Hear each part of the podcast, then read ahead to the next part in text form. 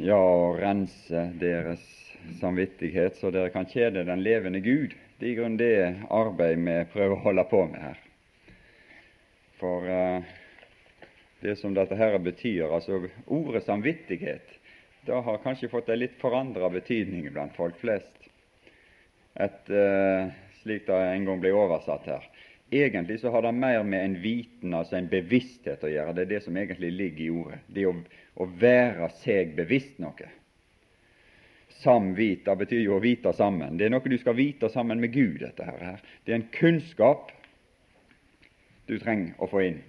Så det blir en viten sammen med Gud, at du veit noe sammen med Gud, som gjør deg og setter deg i stand til å tjene den levende Gud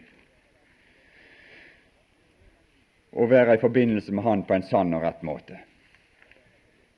Du må bli deg bevisst saker og ting som er så vanskelig fordi at det, det liksom, vi, vi, gjør oss forestillinger, vi gjør oss eh, liksom, vi, vi får, får, Kanskje også vi får innlært ting. Og vi får, får liksom bære med oss forestillinger og tradisjoner og meninger osv. Så sånn som gjør det så vanskelig å få den, inn den rette kunnskap og den rette bevissthet og den rette forståelse av saker og ting. Og det, Derfor trenger dette å, å renskes opp i, så vi får en bevissthet, så vi går rundt som bevisste folk, så vi veit på hvem vi tror. Og disse, kjenner disse sannheter på en sånn måte at de gir oss adgang like inn til den levende Guds trone, for det er det som er i selve saken. Så vi med frimodighet treder inn i helligdommen. Så det, det, liksom, det, det, var så om å gjøre, ser det ut. Du så med Josva der òg. Vær du bare riktig frimodig, står det. Riktig frimodig, sa han til Josva. Riktig frimodig og sterk. Det var liksom noe veldig friskt i dette her.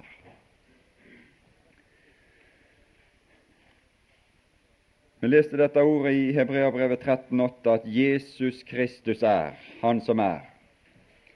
Det er en betegnelse han har fått, og det var slik han utgav seg også for den når han kom ned her. Og i alle disse her disputtene og disse her hadde han sagt møtene der han gikk i rette med fariseerne, eller der han møtte all den opposisjon, så var det dette som var så forferdelig vanskelig for dem å svelge, at denne tømmermannsånden og denne tømmermannen der, som de mente hvis far og mor vi kjenner, som de sa. Jeg vet ikke om de jo kjente så mye så godt til de egentlig. At, at denne mannen står her og oppkaster seg og formaster seg til å gi seg sjøl et navn som de hadde gjort til noe sånt, nærmest en slags form for gudsdyrkelse som var så hellig at de ennå ikke turte å ta det navn på sine leper. De hadde på en måte lagd til noe som ikke var gitt av Gud. Når han sto der og sa at 'Jeg er', sa han, så brukte han det navnet, det gamle navnet på seg sjøl. Og så sa han enda til at dersom dere ikke tror jeg er, da skal dere dø i deres synder. Det er det som står der. Dersom dere ikke tror at det er meg der i Johannes 8, altså. så står det egentlig dersom dere ikke tror at jeg er, da skal dere dø i deres synder. Og det nytter ikke å, å liksom redusere Jesus, som mange forsøker. Jeg er i går. Jeg er i går. Han er fra evighet. Han er fra evig tid. Han oppsto ikke den gangen han steg inn i Marias mors liv. Det var ikke hans begynnelse. Men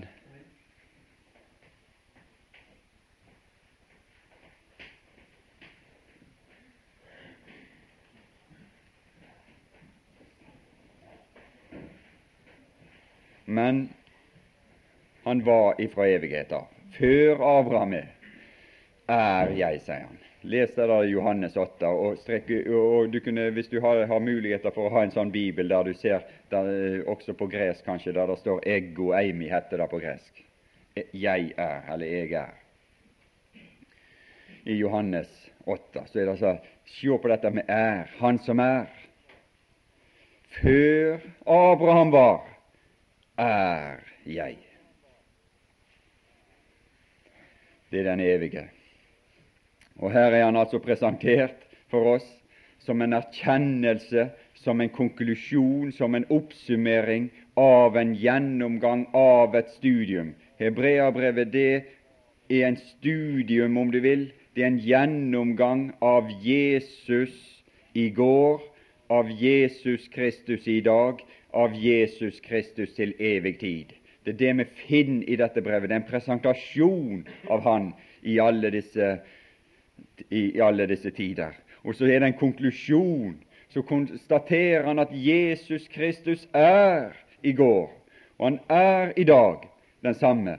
Og, slik, og det har gitt en fortrøstning og en visshet og en full forvissning om at slik er han, ja, til evig tid.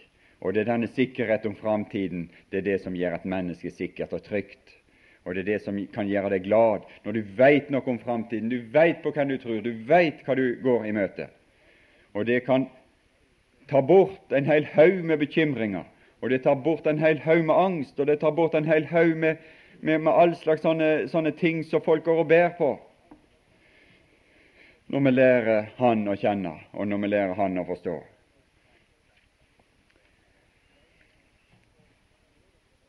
Veien for meg og for deg til denne samme salige erkjennelse av Jesus, det er å følge disse som, som sto omtalt i vers 7 her, disse veilederne.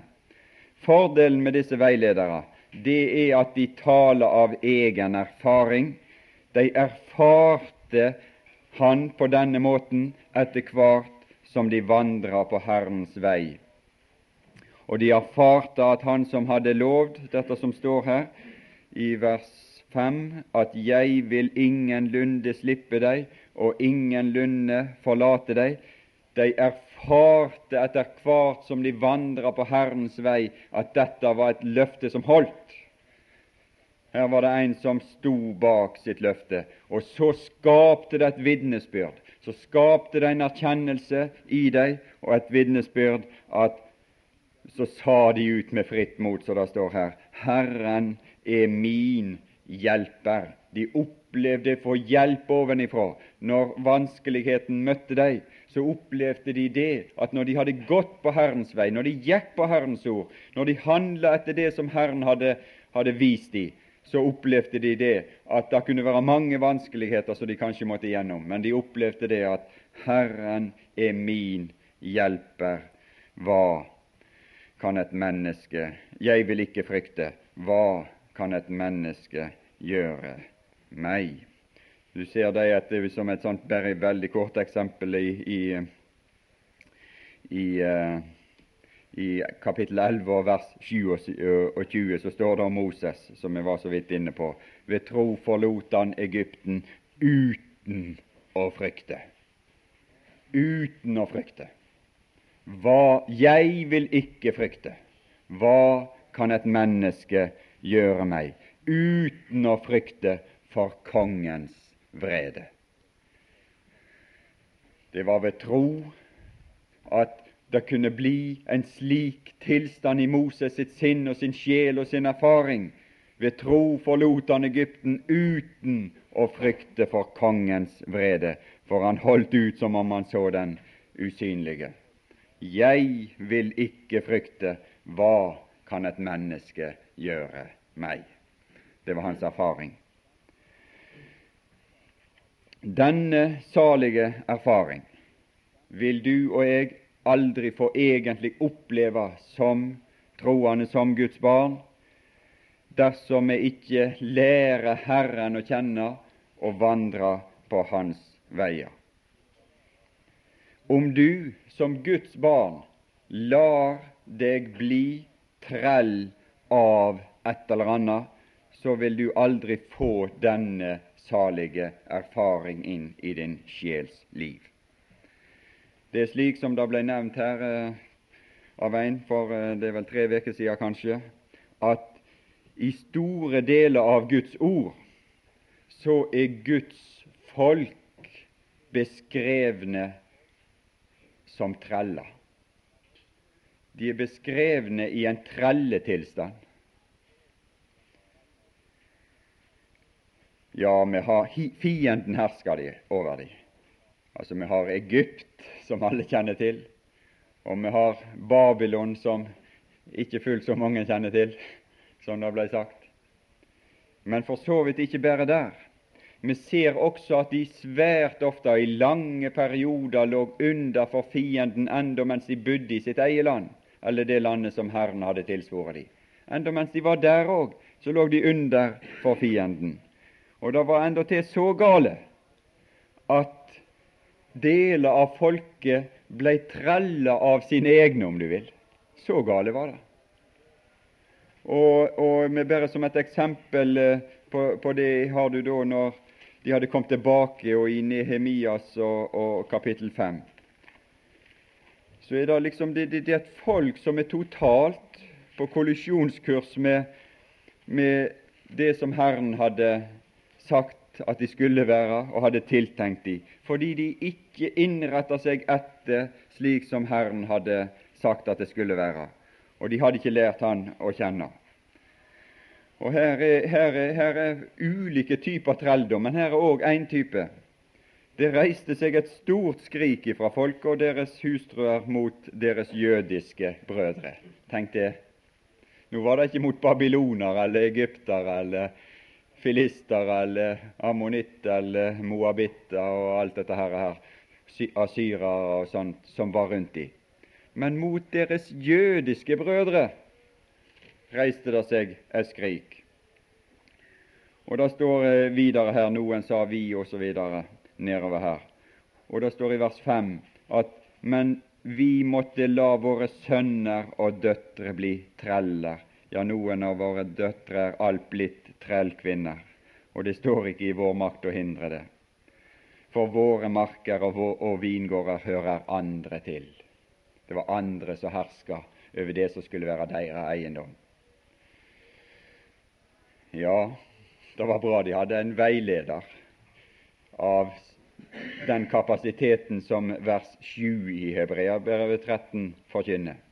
Og Det var en mann her som het Nehemias, som var en veileder som hørte til deg i vers 7 i kapittel 13 i Hebreabrevet, og som kunne ta til motmæle og gå i rette med de som egentlig hørte hjemme i kategorien i vers 9.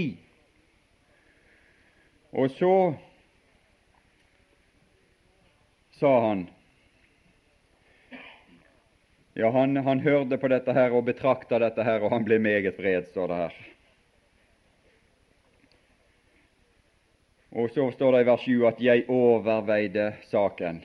Ja, Han gikk ikke så veldig Han han var ikke noe sånn framfusende mann, han Nehemias, men han overveide saken med seg selv. Så Han hadde tydeligvis ikke så mange å snakke med heller. Det var visst ikke så mange av hans kaliber å snakke med. Han, men han overveide saken med seg sjøl. Og så irettesatte jeg de fornemme og forstanderne og sa til dem. Det var de fremste i, i, i folket som måtte irettesettes. Jeg har tenkt av og til på nå de, Jeg hører liksom i, i, De sier at i pinsebevegelsen her i Norge så går det en går det en veldig sånn skisma i øyeblikket, og det er hvordan de skal lede menighetene. Det er en veldig uenighet ute og går iblant de, og som kløyver hele bevegelsen her i Norge i to. På den måten menighetene skal styres og ledes på. Og Det som går, det hele skisma går ut på, det er at noen mener det at makten skal sentreres i én person, en forstander. Og det er han menigheten skal underkaste seg og lyde, osv. Og, og andre mener det at det skal være på en annen måte, mer som de har hatt med dette med eldsteråd osv. Så sånn. Du ser det at, at det går en skisma igjennom. Jeg skal si én ting her. Det er livsfarlig den måten som mange i Norge begynner å gjøre dette her på, å underkaste seg en sterk person. Det er livsfarlig, for du risikerer å bli trell. Slik som disse hadde blitt. Det er ikke Guds vei for deg, og det er ikke Guds vei for oss. Men det er den eneste måten jeg og du kan unngå å, å komme i et eller annet sånt forhold. Ikke om det ikke er nødvendigvis er inne i en sånn forsamling under en sterk leder, så kan det være andre ting. Det har med verden å gjøre, og det har med avguderiet i ulike ting å gjøre. Et eller annet form.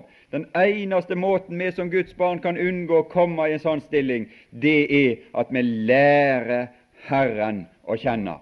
Og da trenger vi følge av de veiledere som er av samme kaliber som Nehemias her, som fører folk inn i kunnskap om Gud. Vi må lære Herren å kjenne, og vi må arbeide på dette og lære Han å kjenne for å unngå å bli trell. Men da kan du unngå det. Det er da du stiger fram som en fri mann, når du har lært Herren å kjenne og Hans ord. Da lar du deg ikke underkaste alle slags sånne ting. For det at saken er den at, vi, saken er den at du og meg vi har egentlig veldig liten evne til å være herre over andre. Og det står aldri hersk over, det står aldri hersk, det står aldri en eneste gang hersk over og, og til oss. Det står aldri noen sånn ting. Det står om at vi skal være underdanige. Og det står underordne er der under hverandre osv., men det står aldri hersk. For vi er ikke i stand til det, for det bor en liten sånn tyrann i meg. Og den blir en sann tyrann i deg òg. Det viser seg at når vi får makt, så blir vi berusa. Makten beruser oss. Det er bare én person på denne jorden som har hatt sine bein på denne over, jordens overflate, som skal ha det vitnesbyrd, og som skal få den erkjennelse fra alle og enhver, uansett, enten de er i fortapelsen eller hvor de er, eller de, de, de er hjemme hos Gud, så skal han få den erkjennelsen at det er du er verdig å ha makt. Det var én person. Når Johannes var der i Åpenbaringen 5, så fant de ingen som var verdige. Og, men så var det en i bakgrunnen der. Det var en som han hadde dette, han, han kom akkurat, akkurat, han var liksom i bakgrunnen der. Og så stiger han fram der, og så sa de, du, du er verdig til å ha makt, til å styre. Det er den eneste mann som har fått denne, dette vitnesbyrd ifra alle enhver. Du er verdig. De hadde vel opplevd andre som hadde herska. Andre enn du, Herre, har hersket over oss. Ja, ja, hvordan ble det da? Men du er verdig til å ha makt. For det som er så underlig med denne personen, det er det at, at han har fått makt, og, Herren, og Gud, Faderen, har gitt han makt over alt kjød, sier han. Men han er så for, totalt for, forskjellig ifra de andre.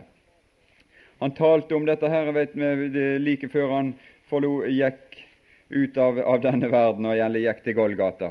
Så talte han om disse ting. Han talte om makt, om maktpersoner. I Johannes for eksempel, så taler han om seg sjøl. I den, den kjente eh, bønnen der i, i, i vers 17. Så sier han i vers 2.: Du har gitt ham makt over alt kjød. Ja, ja, hvordan går det med disse som har fått makt? Vet du hva han sier den, på den samme kvelden? Da står det står om det i Lukas. Da står det om at de som er konger og herskere over dere, det kaller de for deres velgjørere. Vet du hva de gjør? De, de deler tilbake litt av det de har tatt inn. Vet du hva de driver på med borte på Stortinget? Disse her fremste folkene våre bort på Stortinget og i regjering osv. Vet du hva de driver på med? De driver og deler ut det som de har tatt ifra dere. Først tar de det fra dere. Først tar de det ifra folket. Først tar de inn alle tingene sånn, og så deler de ut en del av, av når de har sørga for seg sjøl, og så deler de ut en del tilbake liksom, for å, å holde på velgerne og stemningen. Det er slik de driver. Det er slik det er ordna her i denne verden. Det er slik en, en driver på. Og dere kaller dem deres velgjørere, sier Jesus til, til sine der i Lukas eh, Ja, jeg husker ikke akkurat da, men det, det, det kan du finne. Dere kaller dem deres velgjørere. Men her er en, hva det han gir? Du har gitt ham makt over alt kjød, for at han skal gi litt tilbake av det som han har tatt ifra folket sitt? Aldri.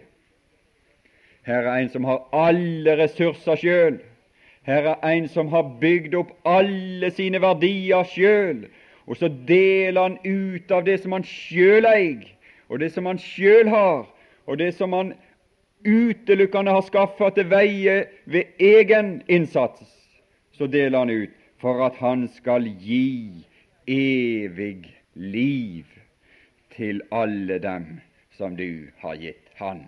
Trenger du noe andre herskere enn han? Ja, dere tåler jo, som han sa, Paulus til deg i Korint, dere tåler jo at noen gjør seg til herskere over dere og gjør dere til treller. Vi trenger ingen andre, han er han her.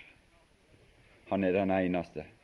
Og det er du er verdig. Det er en sånn person som er verdig å ha makt. Og det er han vi trenger å lære å kjenne. Og det er han som er denne Jesus Kristus som står her. Og som, som de som er de sanne veiledere, de leder til han. Og så blir det han vi står ansvarlige for. Og så blir det han vi underkaster oss. Og så setter han oss i frihet.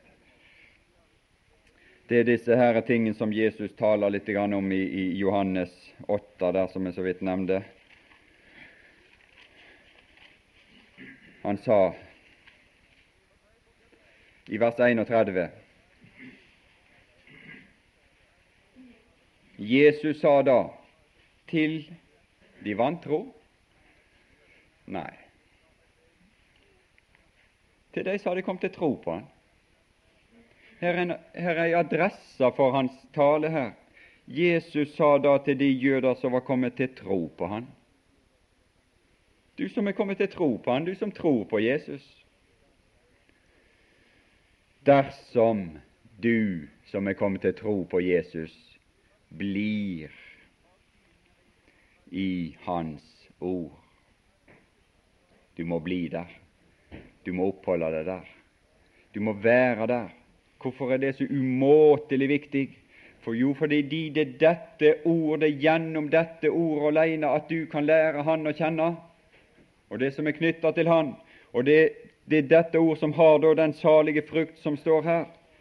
Dersom du blir i Hans ord, dersom dere blir i mitt ord, da er dere i sannhet mine disipler, og dere skal kjenne dere skal kjenne. Det er den eneste vei til kjennskap om Gud og sannheten.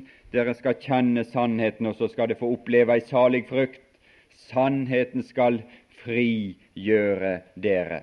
Dette er ikke noe sånn øyeblikksopplevelse som, er, som, som det, er ikke, det, er ikke, et ord til verden, dette her, at du som er ute i trelldom, bare kom til Jesus i kveld, og så blir du fri liksom sånn i et nu, i et øyeblikk. Det er ikke det som står her. Det er greit nok, de må gjerne anvende det på den måten. Men det er ikke det som står her. Du må bli, du må vedervarende være i dette ord og oppholde deg i dette ord for at sannheten skal frigjøre dere. Så var det en liten disputt her, og så står det litt om træla og sånne ting. Og så konkluderer han i vers 36 med at får da Sønnen, og det er Han som er. Det er Han som Hebreabrevet presenterer for oss. Så har Han i disse siste dager talt til oss ved Sønnen. For da Sønnen frigjort dere, da blir dere virkelig fri. Du må til Sønnen. Du må kjenne Sønnen. Han sto framfor eh, framfor eh, Pilatos vet vi, i Johannes 18 og vitna den gode bekjennelse, det som er kalt for den gode bekjennelse. Og når han sa i vers 36 at 'mitt rike er ikke av denne verden'. Og så sier han i vers 37 jeg er dertil født og dertil kommet til verden at jeg skal vitne for sannheten. Og Pilatus, som har sin livs sjanse, han har sin livs store sjanse, han lar den store sjansen gå forbi seg ved å avfeie det hele i et slags sånn filosofisk spørsmål. En slags akademisk filosofisk spørsmål hva er sannhet? Så liksom blei det ikke noe mer. Ja, hva er sannhet? Jo, det er han. Det var han som sto der. Hvor er han? Hvor er han nå? det er det at han, han, han er på Guds trone, han nå. Han er på høyre side av Guds trone. Og skal du lære sannheten som kan frigjøre deg og kjenne, så må vi bevege oss ut av denne verden, om du vil, og inn til den trone. Og det er dette, det er dette liksom hele hebreabrevet går ut på, det å tilskynde deg, det å få deg i bevegelse, det å få deg inn i et løp, det å få deg ut på løpebanen, det at du begynner å løpe hen imot dette mål, inn til den usynlige verden, inn til denne trone, inn i denne helligdommen, inn der Han set ved majestetens høyre, på majestetens høyre side i himlene. Det er det hele hebreabrevet går ut på. Det å få deg i bevegelse, det å få, løse deg fra disse bånd her, og få deg i bevegelse, slik at du begynner å løpe dette løp. Helt ifra begynnelsen der så er det liksom det at, at, at uh, du kan betrakte disse tingene, disse synlige tingene omkring her. Og begynner du å betrakte deg i Guds lys, så skal du oppleve en ting, og det er nemlig at grunnvollen her begynner å skjelve under deg. Den begynner å forsvinne under deg. Og da, da er du, hva er du på jakt etter da? Hvis du plutselig opplever at grunnen begynner å forlate under deg, du, du står på utrygg grunn, hva er det du da? Da må du se etter et fast punkt. Hva er det du kan, hva du kan, kan løpe imot et fast punkt? Og Det faste punktet er også presentert her i, i Hebreabrevet 1 og vers 10, når det står om, om, jorden og himlene, så er hans henders verk. Så står det i 11 de skal forgå, men du blir. Det er det faste punkt. Og de skal alle elde som et kledebånd, og som en kåpe skal du rulle dem sammen, og de skal omskiftes. Det er alle disse ting. Og så begynner du å se på alle disse ting som er underlagt dom og forgjengelighet og liksom grunnen begynner å svikte under deg, og så kan du gripe fast i det faste punkt. Men du er den samme, og dine år skal ikke få ende. Det er den faste grunnvoll. Så kan vi etterfølge Jesus. Vi ser Jesus er presentert for oss, Jesus Kristus er presentert for oss i dette brevet, og han er presentert for oss som en løper på rennebanen. Tenk Jesus, en løper på rennebanen. Det står om han i kapittel 6 og vers 20, eh, hvor Jesus gikk inn som en løper. Han er en løper på rennebanen, Jesus her. Men det er en løper som er stilt fram for oss, og som er presentert for oss som en som har fullendt løpet. Og han er kommet i mål, hvor Jesus gikk inn som løper. Han har gått inn, han har fullendt løpet, og så står det her da at han har løpt denne, dette løp for at vi skal løpe det løpet etter han. Så vi løper etter han. Han har vist oss veien, han har anvist oss veien. Han har, har vist oss hvordan det ender, for, hvor Jesus gikk inn som en forløper for oss. Og så det, vil han ha oss ut på banen i kapittel 12 og vers 12 vers 1, når han sier La også oss løpe. La også oss løpe. Vi har vel kommet ut på banen og begynt å løpe. Løpe etter Han. I de omstendigheter som en gang måtte være vår, våre omstendigheter. Det står ingen bestemte ting her. Med tålmodighet løpe i den kamp som er oss foresatt. Vel, det kan være forskjellige fra den ene til den andre. Men de omstendighetene som en gang måtte være våre omstendigheter, og det skal du finne, at når du har dine øyne festet på forløperen, så skal du finne at det er ikke én en eneste omstendighet som du har som ikke han har vært igjennom. Ikke én. Og det skal aldri møte oss en fristelse, sier 1. Korinterbrev 10. Aldri en prøvelse, aldri noen ting som er av en sånn art at ikke vi skal kunne gå igjennom det. Aldri. Det skal aldri møte oss sånne ting. La oss løpe. Og her er et veldig mål å oppnå i dette løp. Det, det, det, det, står tale om en lønn. Det er en belønning å tre der fram for Han, som det står i kapittel 11 her og i vers 6. Den som treder fram for Gud, må tro at Han er. Det må du tro. Du må tro at det er Han som er. Det er den evige, den uforanderlige. Den som treder fram for Gud, må tro at Han er. Til står det her, men da det til kan du godt sette i parentes, for det står ikke i noen av, av eh, grunntekstene. Det står 'må tro at Han er'. Du må ha den samme tro som Moses hadde, som lærte å tro på Han som er, som presenterte seg for Han med dette navnet 'Jeg er den jeg er'. Og så lærte Moses å tro på Han som er. Det må også vi tro på. Vi må tro at Han er, og at Han lønner dem som søker Han. Det er noe å oppnå der, det er noe å hente der. Jeg har talt litt før om det som mange kjenner til her, om, om å, å, gå inn i helligdommen etter Han. Han gikk én gang inn i helligdommen, og så vil han, etter at han sjøl har gått inn i helligdommen, så vil han ha oss i kapittel 10 inn i helligdommen. Så vil han ha oss til å følge etter seg inn i helligdommen. Så har vi da, brødre i Jesu blod, frimodighet til å gå inn i helligdommen. Og kast ikke bort den frimodighet som har stor lønn, står det noen vers lenger nede. Jeg så på, på en ting i Salme 43 her som jeg syns liksom viser hvordan dette her er rent praktisk kan utøves av oss. I Salmenes bok 43.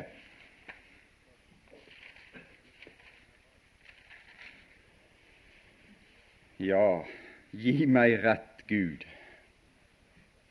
Det er en som opplever vel å være i en pressa situasjon på mange måter. Han, det oppleves det er så mange som liksom vil, vil ta herredømme over han.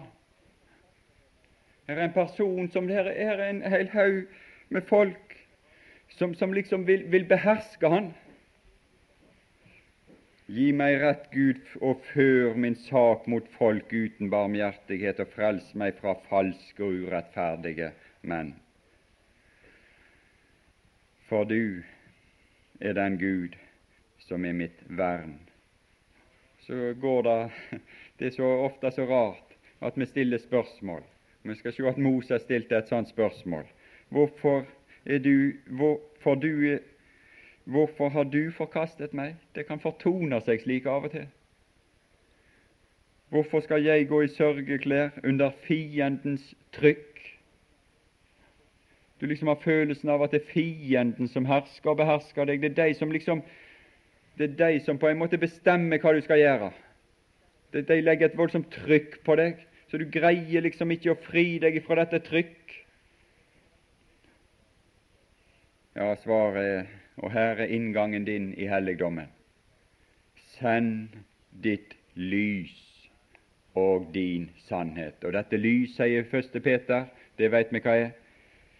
Vi har det profetiske ord, som er et lys som skinner på et mørkt sted, og noe annet lys har ikke jeg. Jeg har ikke noe innvortes lys. Jeg har ikke noe annet lys. Men det lys jeg har, det har jeg i det profetiske ord, som dere gjør vel i å akte på som et lys som skinner på et mørkt sted, inntil Når skal du legge boka på hylla?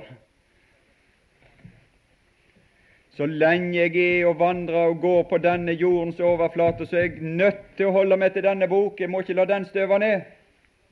Men det kommer en dag da jeg skal ha et lys i hjertet inntil morgenstjernen går opp i deres hjerter. Da skal jeg ha et innvortes lys, og da skal denne bok få lov å hvile.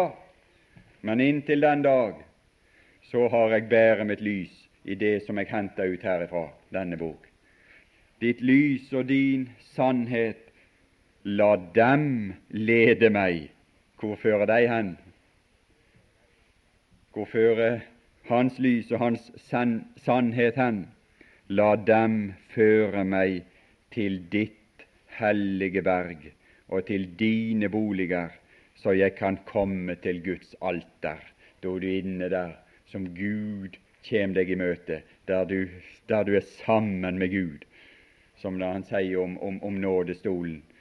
Jeg vil komme sammen med deg der og det er dette som er dette Guds alter, så jeg kan komme til Guds alter, inn til Guds trone, inn og møte Han der.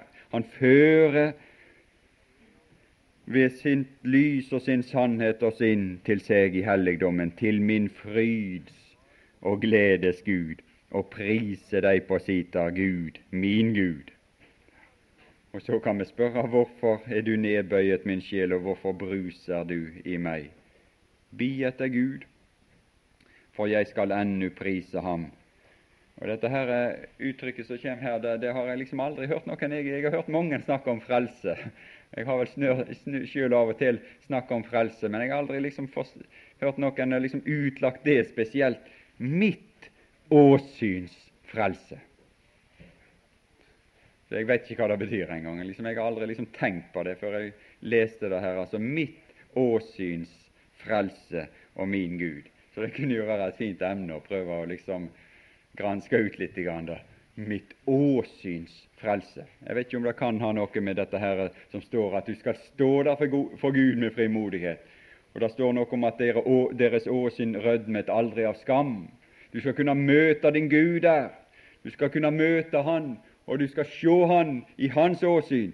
Og så er ditt åsyn det er, en, det er av en sånn art at du skal kunne se Han åsyn til åsyn, som vi leser litt grann, også om Moses, som talte med han åsyn til åsyn. Mitt åsyns frelse.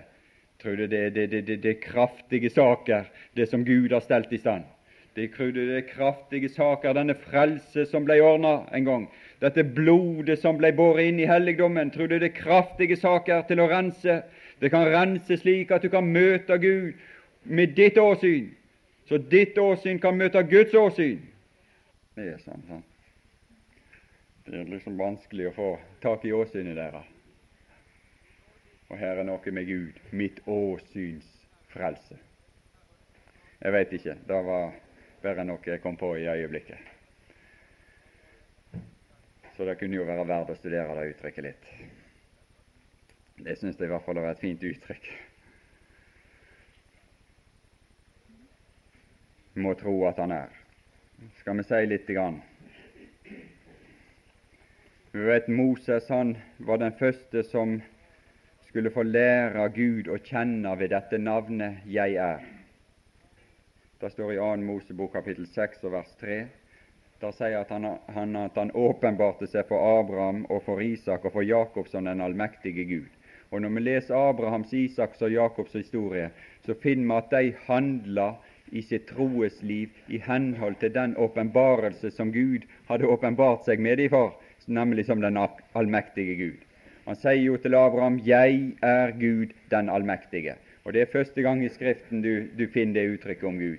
Det er når han åpenbarer seg for for Abraham som den allmektige Gud. Jeg er Gud den allmektige. Og vi vet at Abraham i sitt trosliv han, han praktiserte denne åpenbarelse av Gud. Han, han handla i sitt gudsforhold og i sin vei ut ifra det at han er mektig. Og Hvis du leser i Romerbrevet 4, så, så, så, sier Paulus det for at han, han trodde at Gud er mektig, sa han. At han var mektig til å gjøre det. Og Hvis du leser i, i Hebreabrevet 11, så står det også forklaringen på for han, hvorfor han gikk til Moriaberg. Fordi han, han, han, han, trodde at han var også mektig til å gi han ham tilbake. Derfor gikk han. Fordi han trodde Gud var mektig, allmektig. I sitt trosliv så fulgte han disse tingene. Og det, det samme var med Isak, og det samme var med Jakob. Men ved mitt navn Herren, eller Javé, som det er da, Han som er, var jeg ikke kjent av dem. Og Hvis du er ute etter å finne feil i Bibelen, så har du da en her, da. Så liksom kan du, kan du ha det hvis, det, hvis du syns det er noe kjekt. Da, for Det står i sånne forskjellige utleggelsesbøker om, om en første og annen Mosebok her. Ja, enda det er skrevet på forlag som ikke burde utgis. sant? Det står at her, her, din her er nok en glipp. Fordi at navnet Javé det er brukt om Gud helt i forbegynnelsen. Det. Det var kjent for Abraham og for Isak og Jakob. Det. er også her står det at ved mitt navn Javé var jeg ikke kjent av dem, eller Herren, som det står her, men det er altså Javé. Men det at du veit at navnet på Gud er Javé, betyr ikke det at du kjenner Gud ved det navnet. Det er to vidt forskjellige ting, det. Jeg kan jeg kan vite navnet på en person, men åpenbarelsen av den persons egenskaper, slik navnet betegner han, det er noe annet. Og det er det som står her. At de skulle ikke i sitt trosliv få åpenbart Gud i den karakter og i den egenskap Han som er. Det var det Moses var den første som skulle få liksom erfare gjennom sin vandring og sitt liv med Gud. Så skulle han få lære Gud å kjenne ved dette mektige navn Han som er. Så det er det som står her. Så det, det er bare liksom fordi at folk ikke skjønner. Lærde folk skjønner jo ikke eh, Av og til må du lure på i hele tatt om de skjønner noen ting. Så for, for, for, for så enkelt er det som står her.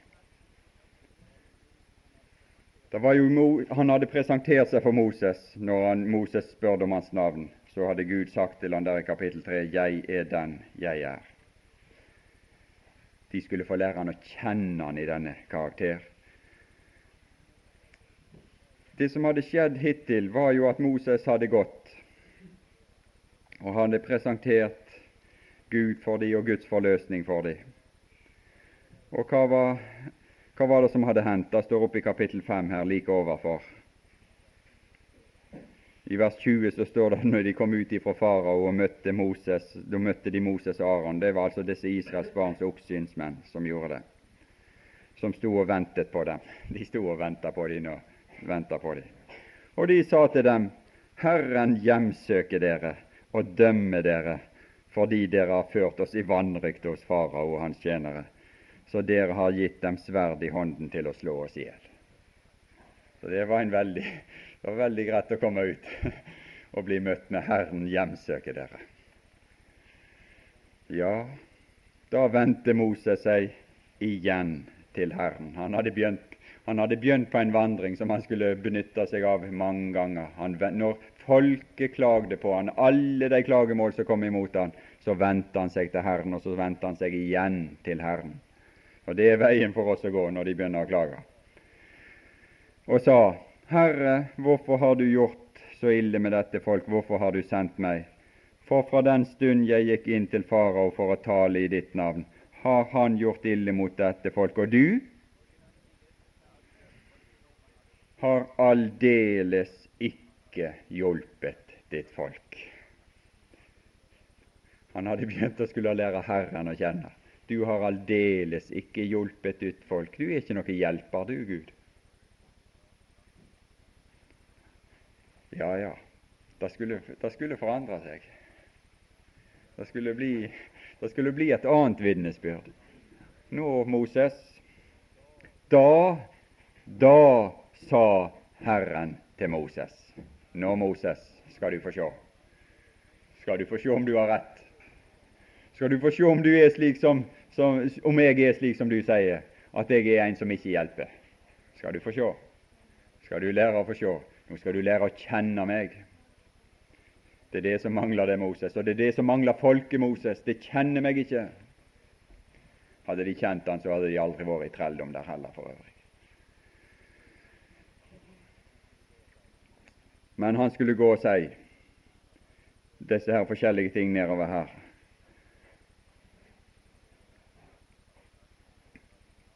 Og så skulle han føre de ut, som det står her i vers 6. Også i vers 7.: Jeg vil ta dere til mitt folk, og jeg vil være deres Gud, og dere skal kjenne. Han skulle gjøre ting som gjorde at de skulle bli kjent med Han. Og Det er ved å være med, det er det som er vår vei til å kjenne Han, og det å bli opptatt med å lære disse ting å kjenne som Han har gjort. Dere skal kjenne at jeg er Herren deres Gud, Han som fører dere ut fra egypternes tunge byrde, og jeg vil føre dere til det land som jeg med oppløftet hånd har svoret og ville gi Abraham, Isak og Jakob, og jeg vil gi dere det til eiendom. Og så signerer han liksom løftet.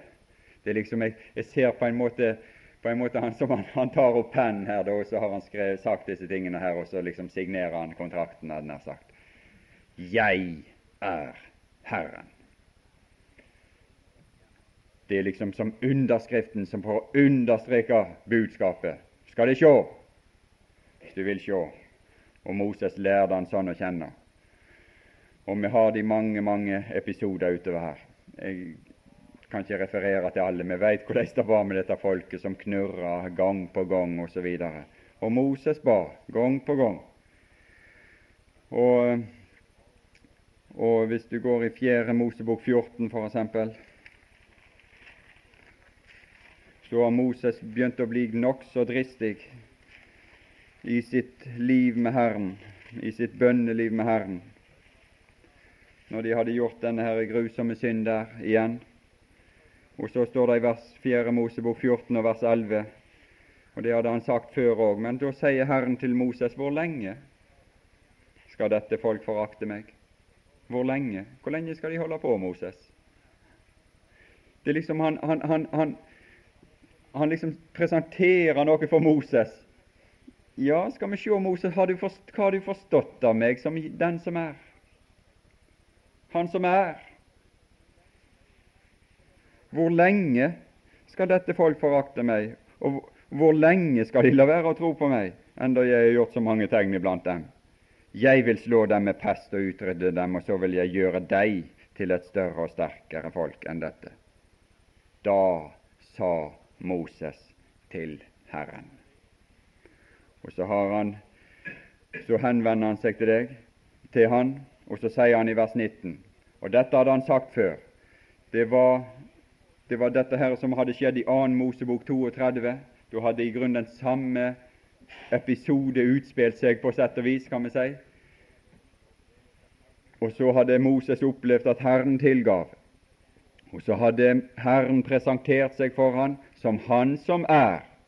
Og så sier han nærmest i bydeform, det, det er så dristig at du kan eh, bli bare forundra over et mann som kan gå inn til Gud og si i vers 19.: Tilgi da dette folk dets misgjerning etter din store miskunnhet, som du som har sagt, Han som er, du som har sagt at slik at du er i går og i dag den samme, ja, til evig tid. Du har tilgitt dem før, du har ikke noe valg.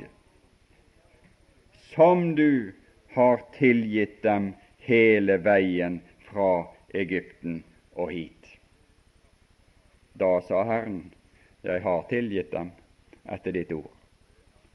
Nå er det det å, bemerke at dette er ikke hele sannheten, altså, for det kommer et men i neste vers. Og det men, det gjør vi vel i å legge oss på sinnet og merke. Og det er akkurat som med profeten Natan når han gikk til David.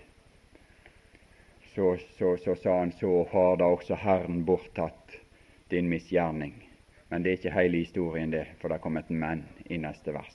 Det fikk konsekvenser for dem. Det er ikke det det betyr, betyr dette her, at det ikke fikk konsekvenser for dem. For det fikk alvorlige konsekvenser for deres liv. Men når det gjaldt det forholdet å leve under Herrens tilgivelse, så var han den som er. Men, som han sa her, men så sant jeg lever og hele jorden er full av Herrens herlighet, så skal osv. Det fikk konsekvenser for deres liv med Gud.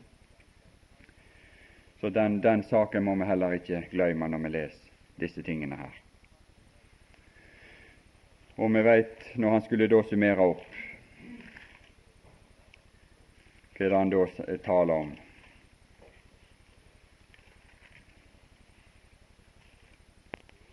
I kapittel 33. Ja, det, det er mye å si. I, det, i, i, i kapittel 33, når han lyser denne velsignelse, så kjenner vi jo til dette ordet som han sa om Josef der i, i vers 16, om nåde som, han, som nåde fra ham som bodde i tårnebusken. Jeg tenker på det at Moses han, han møtte Gud der ute med Horeb når han uh, var i Midian, og så møtte han han der og gikk bort og for å se dette forunderlige syn om denne tornebusken som ikke brant opp, og der møtte han Nå er jeg i 5. Mosebok 33, ja. og i vers 16. Når han lyser den, 33, Det er da han lyser den velsignelsen over, over Israel. Men så refererer han egentlig tilbake til 2. Mosebok 3, når han i Midians land hadde først møtt han som presenterte seg som han som er.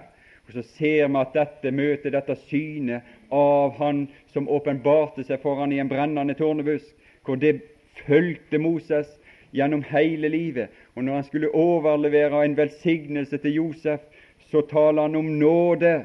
Det var der han hadde henta ut sin kraft og sin styrke under hele denne vandring. Nåde fra Han som bodde i tornebusken. Og vi vet det at denne tornebusken, som er det, det som er, er, er den vekst som Gud har latt vokse opp på markene her rundt om her, for at vi skal forstå at denne jorden er underlagt forbannelse. Det er forbannelsens tegn, om du vil. Hvis du tror at denne jorda ikke er lenger underlagt Guds forbannelse, så får du gå ut på et beite og se på om du finner noen tistler, så kan du bli overbevist. Så lenge det vokser tistler, eller så lenge for så vidt du har rose i haien for det samme arten det Rose det er bare da det er mennesket som har foredla klunger. Det, det, det liksom Mennesket har en egen trang til å ta, ta, ta hånd i det bannlyste, kan du si, og så liksom gjøre noe med det. Det, det liksom Mennesket alltid drevet med det. Det ypperste av det bannlyste, som han sa Samuel til Saul. Du har ofra til Herren det ypperste av det bannlyste, og mennesket de har en egen hang til å foredle det bannlyste. Det har alltid vært slik. Gud er ikke slik. Han går ikke og ser etter et, et, et, et vindrue på tårnet og tisler. Han er ikke så dum. Det er vi som driver på med det og liksom skal få tårnet og tisler til å bære vindruer. Gud han har, har slutta med den slags. Han ser ikke etter det. Det er derfor han måtte gjøre en ny skapning. Det er derfor det måtte en ny natur. Det er derfor det måtte noe nytt med frelsen. Han har gitt opp alt av det der. Men mennesker de lager, prøver å foredle det bannlyset, og så lager de roser, og så har de de hjemme i hagen, og så pynter de opp på, på, på, på bordet ditt. Det er det ypperste av det bannlyset, som jeg pleier å si da, liksom, når jeg er rundt om. Men, men, men, eh, men han han opplevde at Herren møtte han i et forbannelsens tegn. Og der var ild, og der var røyk, og der var vrede der. Men så opplevde han at det bodde en der. Det var en som var i dette, som ikke ble fortært av ilden. Og dette underlige syn ville han se. Og dette underlige syn gikk han bort til. Og dette underlige syn, det fylte han, og der, der opplevde han en nådestraum ifra Gud inntil seg, som fylte han og gav han styrke gjennom hele hans vandring. Og når han går ut av verden her, da, så skal velsigne Josef, så taler han om nåde ifra han som bodde i tårnebusken. Og du kjenner vel det, det ordet i Galaterbrevet om han som ble en forbannelse for oss at du møter Han. Det er der det hele starter. Det er, her, det er der du må begynne. og det er der Du må hente ut kreftene fra Han som, som var på forbannelsens tre. At, at denne strøm utgår ifra det, fra det til deg. Så da fyller det med denne styrke.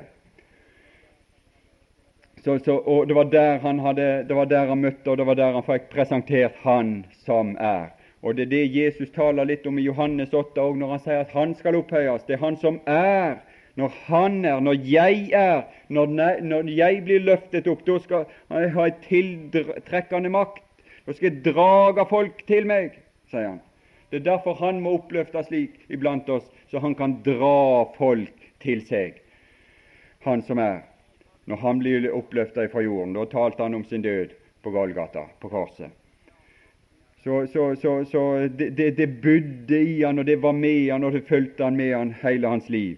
Og så skal han tale om denne Gud som hadde ført igjennom. Og så sier han i vers 26 det er ingen som Gud Jesuren. Hvordan er det nå, Moses? Er jeg en Gud som ikke hjelper? Er jeg en Gud som ikke hjelper? Nei, nå har Moses et vitnesbyrd om Gud forandra seg totalt. Det er ingen som Gud Jesuren. Han farer frem over himmelen med hjelp med hjelp. For deg i sin er det en svekling som hjelper, i sin høyhet på skyene. En bolig er den eldgamle Gud, og her nede, ut ifra den bolig, så skulle han få se at Herrens arm blei åpenbart.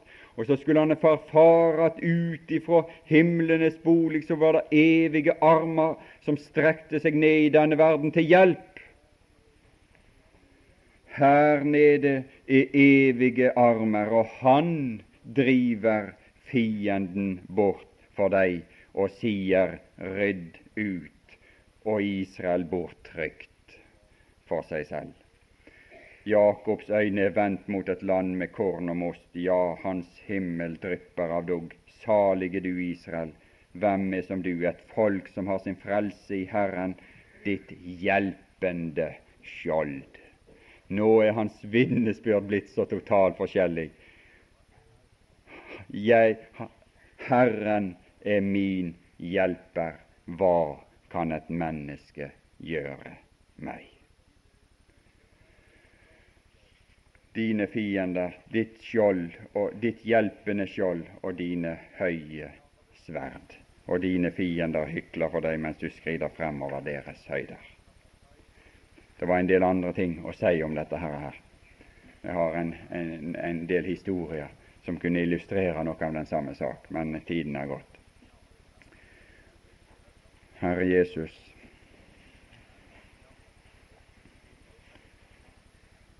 ja, vi takker deg fordi at du gav oss en fast grunn å stå på. Kjenner denne forunderlige trygghet når vi står på deg. Det, det er liksom eh, dette forunderlige, dette her Vi blir så salige når vi kjenner oss trygge. Og når vi da i tillegg veit at når vi har tatt vår tilflukt til deg, så, så står vi Det er ikke noe falsk trygghet. Det er ikke noe falsk lære. Det er ikke noe innbilning. Men det er prøvd og bevist og vist framfor oss i overmål på overmål at de som har tatt sin tilflukt til deg, de har blitt i trygghet under alle omstendigheter. Herre Jesus, vi ville be om at vi måtte få være med fortsatt i dette løp, inn på rennebanen, unge som eldre, for å løpe i den kappestrid som er oss foresatt den enkelte, slik det måtte fortone seg for den enkelte, men at vi måtte få være med på denne løpebanen der vi løper etter deg for å lære deg å kjenne. Så har vi slike oppmuntrere, så har vi slike veivisere i løpet, så har vi slike som kan, kan vise den veien du gikk. Vi takker for deg som du har gitt oss her i ordet ditt. Vi takker også for hverandre og enhver som har hjulpet oss på veien inntil i dag, på en sann og rett måte. Herre Jesus, så gi du oss nåde til å lære deg å kjenne, så vi kan være frie menn, frie mennesker. Frie menn og kvinner i denne verden. Frie i deg, fordi at Sønnen har satt oss fri. Be for den enkelte her, at vi ikke umyndige vil la oss kaste og drive rundt av ethvert lærdomsvær som måtte fare forbi. Så liksom renne med den ene veien, og så renne med den andre veien ettersom vær og vind måtte nå være i øyeblikket, Herre Jesus. At vi ikke lar oss kaste og drive om av slike ting, men at vi er grunnfesta og rotfesta i, i deg, i kunnskap om deg, i kjennskap til deg. Herre Jesus, be for den enkelte her. Be for folket her, be for dine, Herre Jesus, at uh, vi måtte leve i din åpenbarelse og i din frihet.